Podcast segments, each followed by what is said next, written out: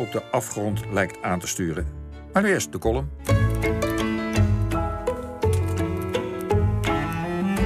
De column van Sana Valjulina.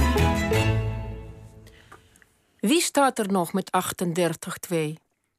Nu, bijna 100 jaar geleden, werd in, werd in Nederland door toedoen van de christelijke partijen een koninklijk besluit uitgevaardigd om gehuwde of zwangere vrouwen uit overheidsbanen te ontslaan. Hoeveel vrouwenlevens werden door dit besluit geruineerd? Of, als ik me minder Russisch dramatisch uitdruk, zijn er onvervuld gebleven? Toen ik 33 jaar geleden uit de Sovjet-Unie naar Nederland kwam, kreeg ik een cultuurschok. Niet alleen door de indrukwekkende hoeveelheid consumptiegoederen, maar ook door het even indrukwekkend aantal niet buitenshuis werkende vrouwen van de generatie van mijn moeder. Ik leerde van het bestaan van was, poets en strijkdagen, als mede van een gordijnenwasdag en een ramenlapdag, die eens in de zoveel maanden werden gehouden. Terwijl ik alleen donderdag visdag kende, wanneer alle Sovjetkantines vis serveerden. Het was het leven van mijn schoonmoeder dat mij de open ogende, ogen opende voor het verborgen en onderdrukte leed van een slimme vrouw die achter het aanrecht haar intellect vorm moest geven. Mijn schoonmoeder, die mij met open armen heeft ontvangen, was een intelligente, goed geïnformeerde vrouw met uitgesproken meningen. Zo moest ze niks hebben van christelijke partijen en christelijke politici. En zoals het een Nederlandse vrouw betaamt, de nuchterheid zelf.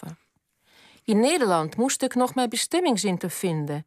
En als ik me dan beklaagde dat ik zo weinig bevredigend leven leidde, antwoordde ze. Maar je hebt toch een goede man en je woont in een moderne flat met centrale verwarming en een wasmachine. Waarna er de oer-Nederlandse wijsheid volgde. Het is zoals het is. Dit was zonder meer een nuttige uitspraak voor het verheven wezentje dat ik toen geweest moet zijn. Maar in plaats van om te berusten, werd ik alleen opstandiger. Tot het beslissende moment kwam dat mijn jeugdige egocentrisme een knauw kreeg en ik opeens de mens zag achter de rol die mijn schoonmoeder haar, leven lang voorbeeldig heeft vervuld.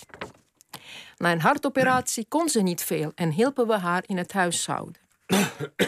Mijn taak was om beddengoed en lakens op te vouwen en in de linnenkast te leggen.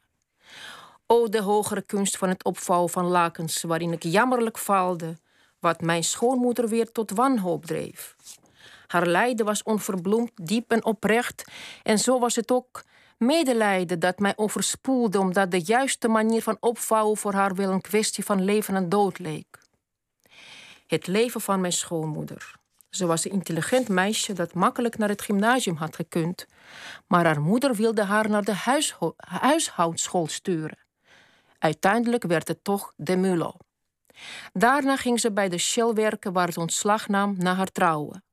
Ze kreeg drie kinderen en hield zich keurig aan de was, strijkpoets, gordijnenwasdagen, gordijnenwassen en ramenlapdagen. En dat alles in een huis met kolenkachels. Vandaar haar lofzang op de centrale verwarming en de wasmachine, waarmee ze mij poogde te troosten. In de keuken placht ze te zingen. Wie staat er nog met 38-2 te roeren in de aardappelpuree? Het is de moeder van het grote gezin. Had een hoge ambtenaar of een advocaat kunnen worden, met een analytische geest, wilskracht en scherpe pen, waarmee ze een conflict met een onwillige woningbouwvereniging in zaken een belangrijke kwestie won. En luisteraars, nu komt het kerstmoment. Mijn schoonmoeder heeft gezorgd dat al haar kinderen gymnasium deden. Eén heeft zelfs de dokterstitel behaald. En toen de kinderen het huis uit waren, heeft ze nog tien jaar bij een bekend links georiënteerd weekblad gewerkt. Het was de gelukkigste tijd van haar leven. Ja, Nadia, eh, of Nadia, eh, eh, Sana bedoel ik natuurlijk. Sana, fantastische column. En ik denk dat heel veel zonen en dochters die nu geluisterd hebben, hun moeder erin herkennen. Want dit was echt een probleem in